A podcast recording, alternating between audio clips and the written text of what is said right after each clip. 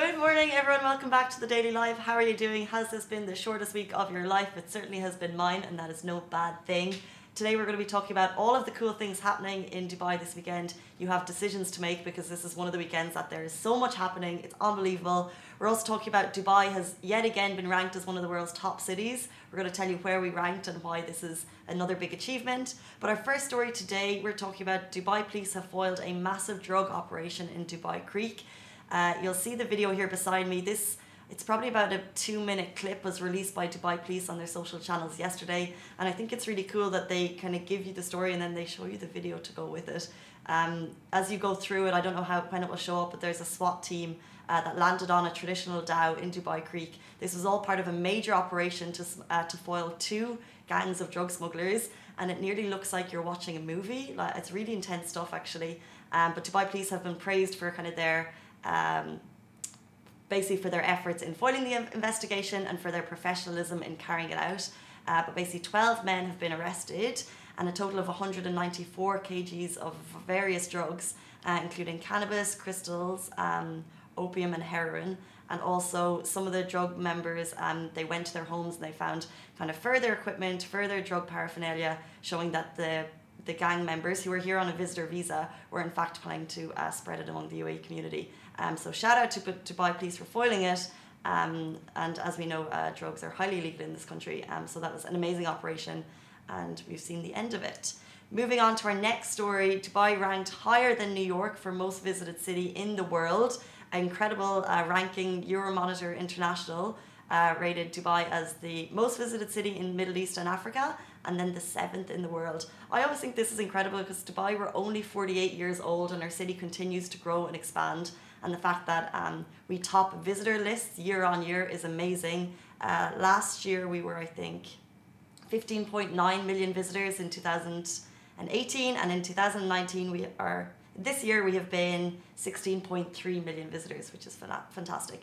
Can you guess the other 10 uh, cities that are on that list? Because obviously we're number seven in the world. New York is number eight, Kuala Lumpur is number nine, and Istanbul is number 10.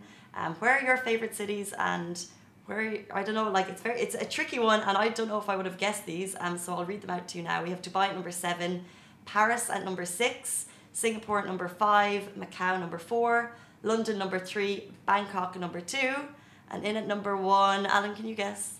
Dubai. Dubai. No, Dubai's number seven. Oh, okay, what do you think is the world top visited city?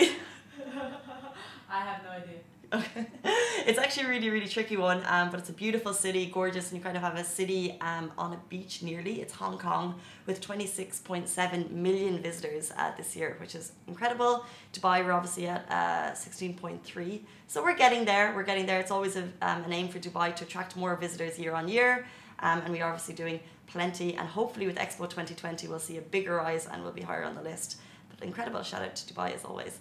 Now, our final story for this week, guys, you have decisions to make. Seven fantastic events going on in Dubai.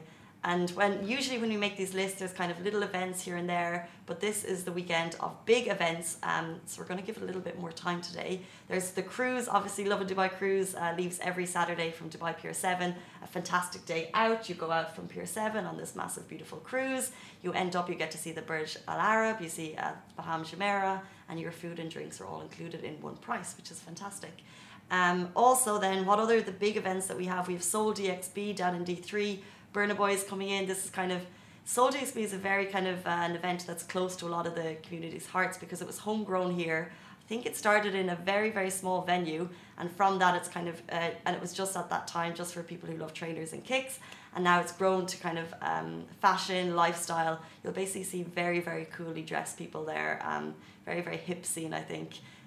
then, and then you also have Dubai Muscle and Active Show going on, and we have a lot of kind of famous, uh, the world's most famous fitness influencers and fitness celebrities are coming into Dubai.